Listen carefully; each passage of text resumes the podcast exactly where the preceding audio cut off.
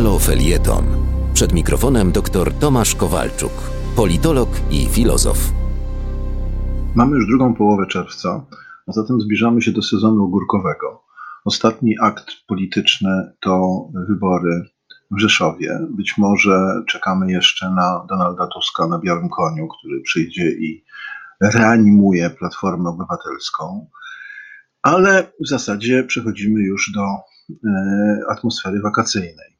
Mm, niedawno e, w ogrodzie botanicznym Uniwersytetu Warszawskiego, czyli mojej szanownej uczelni, e, zakwitł kwiat, który jeszcze nigdy w Polsce w historii nie kwitł w szklarniach żadnego ogrodu botanicznego. Do tego ten kwiat kwitnie tylko kilkanaście godzin, czyli jest takim kwiatem jednej nocy, chociaż jego rozmiary to raczej kwiecisko jednej nocy niż kwiat. E, myślę sobie, że to jest dobry temat na, czy byłby dobry temat na sezon ogórkowy, ale mm, jednak w każdej takiej sytuacji można znaleźć jakieś drugie dno, które odnosi nas do sytuacji ogólniejszej. Pobiegłem oczywiście zobaczyć ten kwiat. To dziwidło olbrzymie, bo jeszcze, żeby było śmieszniej, kwiat ten tak się nazywa, dziwidło olbrzymie. I zobaczyłem e, inne dziwidło, e, mianowicie kolejkę ludzi stojących, żeby zobaczyć ów kwiat. Mm, to była kolejka przypominająca stare dobre czasy. E, rzeczywiście kolejka, której trzeba było postać prawie półtorej godziny, żeby się dostać do szklarni. I to, co mnie zadziwiło jeszcze bardziej, oprócz dziwidła, to atmosfera w tej kolejce.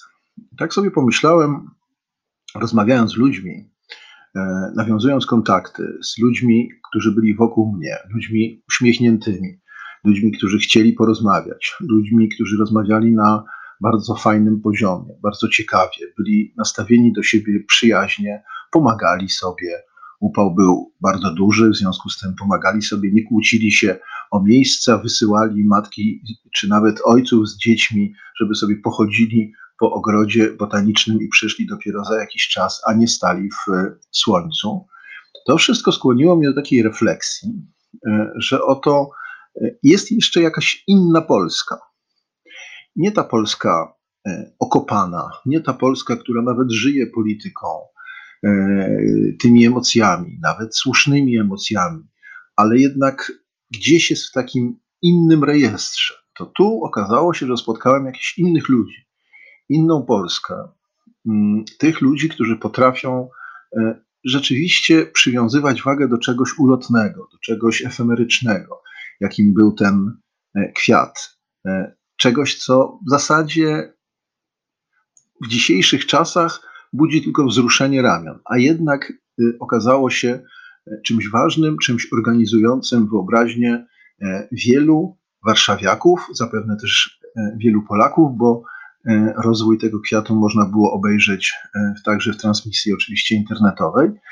I to spowodowało, że zastanowiłem się bardzo y, optymistycznie nad tym, że gdzieś jest ten przyczółek, gdzieś są ludzie, którzy E, nie tracą z oczu e, innych wartości. I bardzo się z tego cieszę. E, mam nadzieję, że się cieszycie razem ze mną. Wspieraj niezależne Halo Radio, które mówi wszystko. www.halo.radio ukośnik SOS. Dziękujemy.